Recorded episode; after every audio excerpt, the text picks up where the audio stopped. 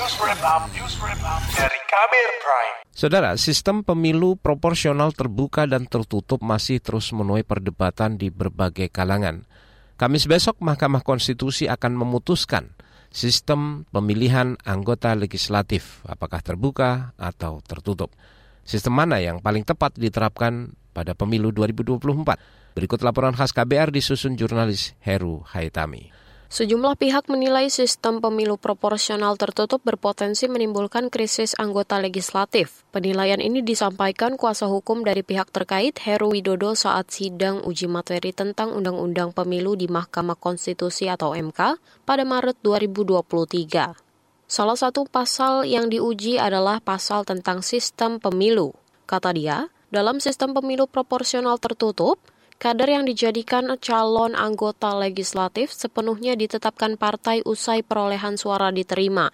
Menurut Heru, hal ini dapat mengurangi minat masyarakat yang ingin bisa menjadi legislator melalui persaingan terbuka lewat suara terbanyak dari pemilih. Dengan membatalkan ketentuan proporsional terbuka, lantas memperlakukan proporsional tertutup yang memberikan hak kepada calon terpilih berdasarkan nomor urut, maka berarti memasung hak suara rakyat untuk memilih sesuai dengan pilihannya dan mengabaikan tingkat legitimasi politik calon terpilih berdasarkan jumlah suara terbanyak. Heru menambahkan, diubahnya sistem pemilu proporsional terbuka menjadi tertutup tidak menjamin akan bebas dari praktik politik uang dalam pengusungan calon. Justru, kata dia, terdapat sejumlah kelemahan lain dalam sistem proporsional tertutup, di antaranya yakni mengunci ruang partisipasi publik yang lebih besar menjauhkan akses hubungan antara pemilih dan wakil rakyat. Selain itu, partai berkuasa penuh menjadi penentu siapa-siapa yang duduk di kursi parlemen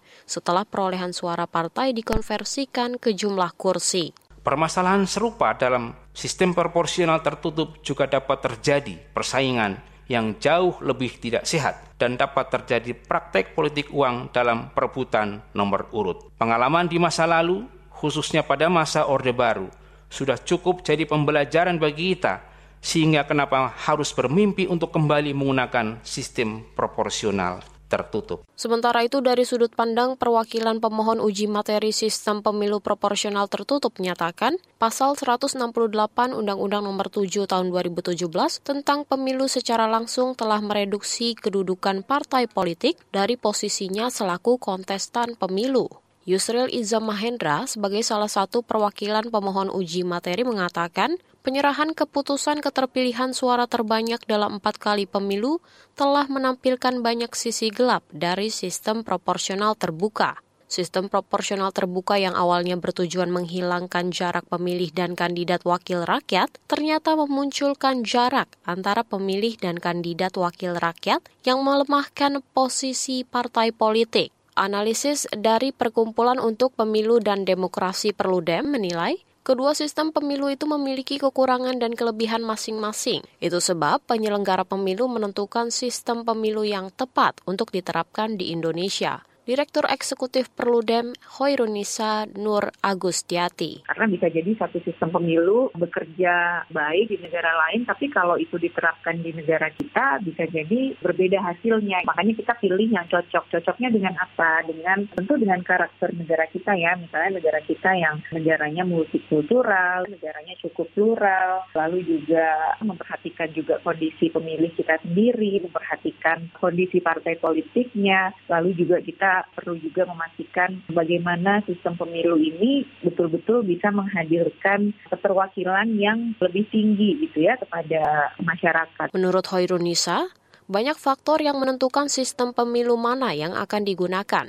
Namun, uji materi di Mahkamah Konstitusi bukanlah pilihan yang tepat. Hoirunisa mengatakan, meski proporsional terbuka banyak dukungan partai politik, bukan berarti tidak memiliki kekurangan. Di 2019 kita merasakan kompleksitas dari sistem pemilu itu kalau menurut saya itu bukan semata-mata hanya karena sistem pemilu proporsional terbukanya saja, tapi karena kita kan menggabungkan pemilu ini pemilu lima kotak ya, lima surat suara DPR, Presiden, DPD, DPRD provinsi, DPRD kabupaten kota pada hari yang sama gitu ya sehingga pemilih dapat surat suaranya banyak ada lima lalu daerah pemilihan kita juga besar-besar sehingga itu mengakumulasi kompleksitas yang dihadapi oleh pemilih. Jadi bukan ini bukan masalah karena sistem pemilu proporsional terbukanya saja. Perlu dia menilai, sistem pemilu apa pun harus memiliki kerangka hukum yang jelas dan juga aturan main yang jelas. Saat ini dalam regulasi pemilu yakni Undang-Undang 7 tahun 2017, sistem pemilu sudah diatur proporsional terbuka. Jika ini diubah di tengah jalan, maka akan menimbulkan ketidakpastian. Esok, MK akan memutuskan gugatan tersebut. Demikian laporan khas KBR yang disusun jurnalis Heru Haitami. Saya Astri Septiani. Kamu baru saja mendengarkan news wrap up dari KBR Prime. Dengarkan terus kbrprime.id, podcast for curious mind.